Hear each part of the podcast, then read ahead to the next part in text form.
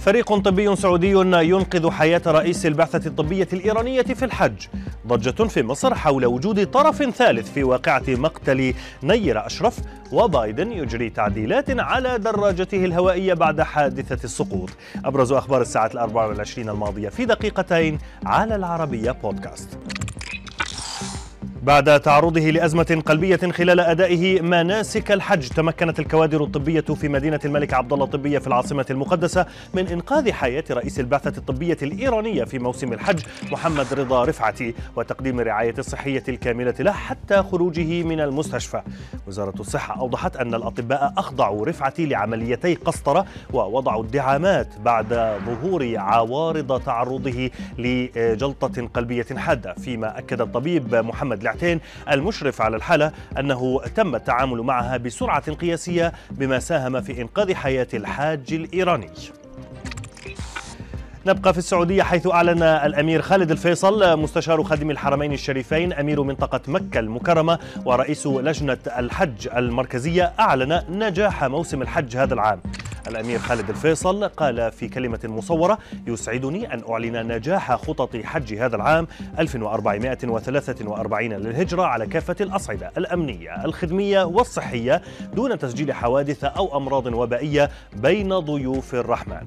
مضيفا أن نجاح هذا التجمع الإسلامي الكبير جاء بفضل من الله ثم بما وفرته حكومة المملكة من إمكانات مادية ومشاريع تطويرية وكوادر بشرية لخدمة الحجيج وتهيئة كل السبل ليؤدوا مناسكهم في طمأنينة ويسر.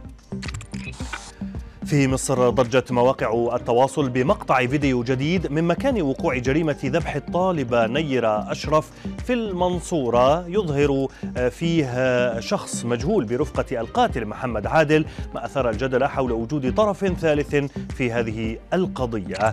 ناشطون على مواقع التواصل زعموا أن الشخص المجهول هو ابن خال المجني عليها وصديق القاتل. وكان برفقته وقت تنفيذ الجريمة وحاول الاختفاء لحظة تنفيذها فيما قال محمود التراس ابن خال نيرة لموقع القاهرة 24 قال إن ما يثار على ال social media غير دقيق ولا أساس له من الصحة مشيرا إلى أن الشخص الذي ظهر في الفيديو تم استدعائه والتحقيق معه وتبين أنه ليست له أي صلة بالقاتل أو بالواقعة بعد حادثة سقوطه الشهيرة من على الدراجة الهوائية قبل أسابيع قال الرئيس الأمريكي جو بايدن للصحفيين إنه أجرى بعض التعديلات على الدراجة كي لا يسقط مجددا. موضحا أريدكم أن تعرفوا أنني أزلت الأربطة من الدواسات. وكان بايدن سقط من على دراجته الهوائية أثناء مشاركته في فعالية دراجة هوائية بالقرب من منزله في ديلاوير حيث احتفل هو وزوجته بالذكرى السنوية الخامسة والأربعين لزواجهما.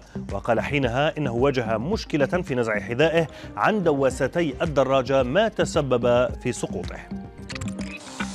وفي خبرنا الأخير سخر الملياردير الأمريكي إيلون ماسك من التهديد القانوني من قبل شركة تويتر لمقاضاته بعدما أعلن انسحابه من صفقة الاستحواذ على العصفور الأزرق.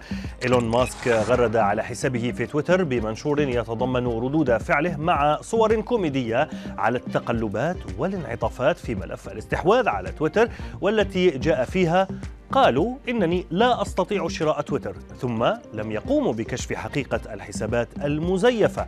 الآن يريدون إجباري على شراء تويتر في المحكمة والآن يتعين عليهم الكشف عن معلومات الحسابات المزيفة في المحكمة.